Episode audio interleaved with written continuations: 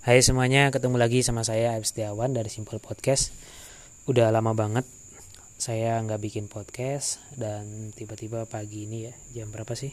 Jam 3 pagi saya kepikiran buat bikin. Tema yang mau saya obrolin hari ini adalah tentang mana sih yang lebih penting? Proses atau hasil?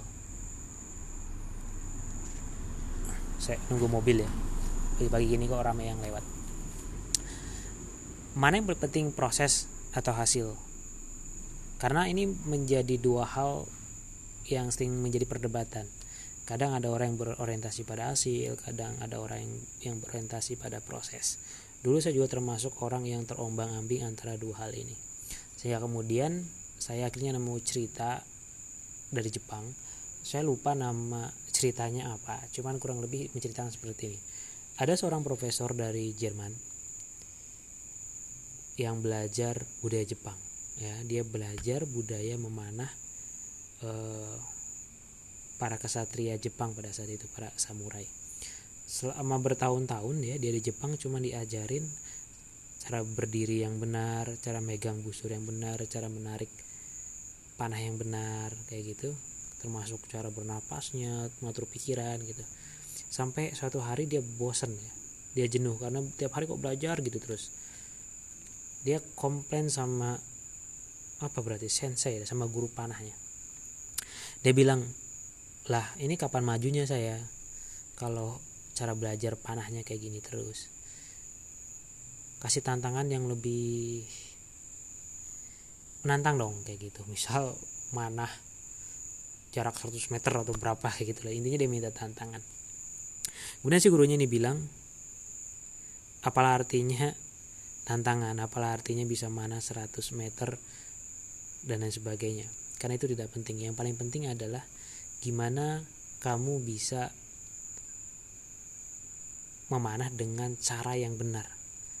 Antara hati dan pikiran kamu ketika memanah itu satu menyatu kayak gitu.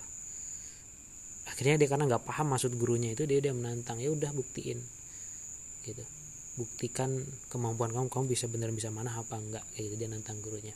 Terus gurunya bilang oke okay, nanti malam kita ketemu di sini saya akan tunjukkan ke kamu oke? Okay? malam mereka ketemu kemudian semua lampu dimatikan ya. Nah kemudian guru ini narik panah. Set ditarik kemudian terus dilepas ya. Nah terus akhirnya kena tuh apa namanya uh, target ya padahal itu gelap ya gelap gulita. Itu panah yang pertama. Kemudian si guru ini ngambil lagi ya anak panah yang kedua kemudian dipanah lagi. Tes gitu. Nah habis habis nih udah selesai mana nih. Kemudian dia nyuruh si profesor Jerman untuk ngecek. Dan si profesor ini terkejut banget. Kenapa? Karena pan busur apa namanya oh, panahnya itu tepat banget di di target ya. Kalau kamu tahu misal target panah itu ada kan yang bulat-bulat itu? Kayak apa namanya blue eyes apa ya? Eh, blue eyes saya lupa namanya itu ya yang bulat-bulat kemudian ada lingkaran di tengahnya itu. Nah panah pertama itu pas kena di tengahnya itu. Terus panah kedua itu mengenai uh, anak panah yang pertama. Jadi kayak di film-film tuh gitu. Jadi apa namanya anak panah pertama ini dari bambu nih belah kayak gitu. Kenapa? Karena kena anak panah yang kedua jadi ini tepat banget. Nah apa yang pelajaran yang dipetik dari situ? Bahwa itu tidak penting ya. Bahwa mengenai target apa tidak itu berada di luar kontrol kita ya. Hasil itu kena panahnya kena apa enggak itu di luar kontrol kita. Yang bisa kita kontrol itu adalah cara kita memegang panah cara kita menariknya cara kita mengatur pikirannya agar fokus mengatur posisi kaki dan sebagainya kita fokus pada situ yang benar. Kalau itu semua benar maka hasilnya juga pasti benar. Nah dari situ saya kemudian uh, akhirnya fokus atau lebih tepatnya memilih bahwa ketimbang saya memikirkan hasil saya lebih berorientasi pada membenahi prosesnya. Jadi kalau saya jualan misal saya targetnya 100 eh cuma tercapai setengahnya atau saya targetnya sekian tapi tidak tercapai. Saya kemudian tidak merasa kecewa tidak merasa menyalahkan diri sendiri tapi saya selalu berpikir oh jangan-jangan memang ada prosesnya yang nggak pas. Jangan-jangan ada prosesnya yang nggak benar. Kira-kira di mana prosesnya yang benar? Oh ini tuh kemudian itu yang saya perbaiki. Karena selalu saya percaya ketika prosesnya itu benar maka hasil itu akan datang dan sendirinya kenapa? Karena hasil benar-benar di luar kontrol kita. Yang yang bisa saya kontrol itu adalah cara saya jualan. Misal saya jualan lewat email marketing. Kalau saya proses dari bikin lead magnetnya list bidding aja sudah salah ya gimana dapat hasil? Oleh karena itu saya terus belajar gimana cara bikin list building yang benar. Gimana bikin kirim email yang benar. Sehingga hasilnya itu dapat nah kebanyakan orang ya itu kalau belajar sesuatu itu langsung ngomongin hasil. Kalau sekarang saya udah nggak kayak gitu. Kalau sesuatu yang baru saya nggak ngomongin hasil. Sama sekali saya nggak ngomongin hasil. Dulu ketika pertama kali belajar Facebook Ads pun ya saya menarget uh, hasil itu sangat sangat kecil-kecil pertama saya belajar uh, nyeting iklannya dulu ya ketika itu udah bisa setting iklan ya belum ada hasil itu belum dijalanin. Saya senang banget alhamdulillah ada progres kayak gitu. Akhirnya bisa nyeting iklan. Yang kedua saya targetin iklannya jalan dulu. Alhamdulillah ikan jalan ya.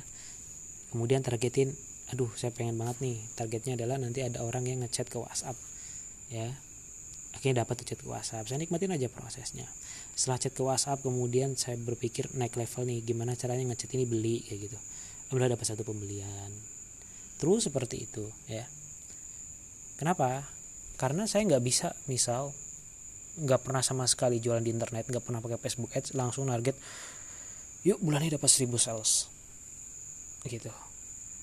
Ya dapat satu sales sama seribu sales itu udah beda caranya. Kalau saya nggak tahu dapat caranya kalau saya bahkan nggak tahu dapat caranya satu sales itu nonsense sudah dapat seribu. Whatever motivasinya seperti apa ya itu nggak akan bisa kesampaian. Makanya saya kadang-kadang malas ya dengerin bukan bukan apa tapi maksudnya malas ngandelin yang namanya motivasi. Misal ketemu sama teman berapa target kamu? Oh, cuman ya target bulan ini 100 oh, apa yang 100 target 1000 gitu. Lah saya baru jual produk baru puluhan kayak gitu. Kalau saya ngejual 100 saya masih kebayang tapi kalau ngejual 1000 ya saya belum ada bayangan dan juga sumber daya itu enggak enggak apa ya enggak cukup untuk bisa dapat 1000 sales kayak gitu maksudnya modalnya enggak enggak cukup ke sana gitu maka saya harus melewati milestone 100 dulu baru kemudian ngomong 1000 gitu Nah kebanyakan orang misal belum pernah sama sekali jualan, belum pernah jual satu produk pun udah target seribuan, ya. Ini kemakan motivator-motivator. nah, uh, begitu juga misal ada teman yang pengen belajar Facebook Ads misal. Saya saya nggak pernah ngajarin Facebook Ads, cuman kalau sharing misal kayak gini, gimana caranya dapat uh, penjualan dari Facebook? Ads? Ya jangan ngomong hasil penjualan dulu, ya kamu setting iklan aja belum bisa ngomong penjualan belajar setting iklan dulu belajar bikin landing page baru kemudian ngomongin hasil. Gitu. Kalau ininya semua benar ya prosesnya benar ya pasti hasil itu dapat nah dari situ kemudian saya memang uh, apa ya lebih milih ya saya belajar ke prosesnya dulu ketimbang hasil. Saya nggak pernah mikirin hasil. Kenapa? Karena hasil itu memang di luar kontrol saya. Saya lebih fokus ke step by step prosesnya. Ya jadi ketika nulis email kayak gitu ya buat email marketing ya saya fokus nulis emailnya. Ketika saya nyeting iklan saya fokus nyeting iklan. Kayak gitu. Nah eh, begitu ya teman-teman. Semoga podcast saya nggak terkonsep ini ya yang dadakan ini bisa diambil manfaatnya ya. Terima kasih ya. Kalau kamu suka dengan apa yang saya sampaikan bisa kamu sebarkan ke yang lain.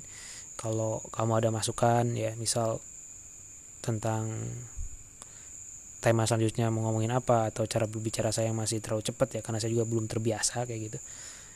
Kamu bisa uh, hubungi saya ya terima kasih teman-teman. Sampai jumpa di podcast selanjutnya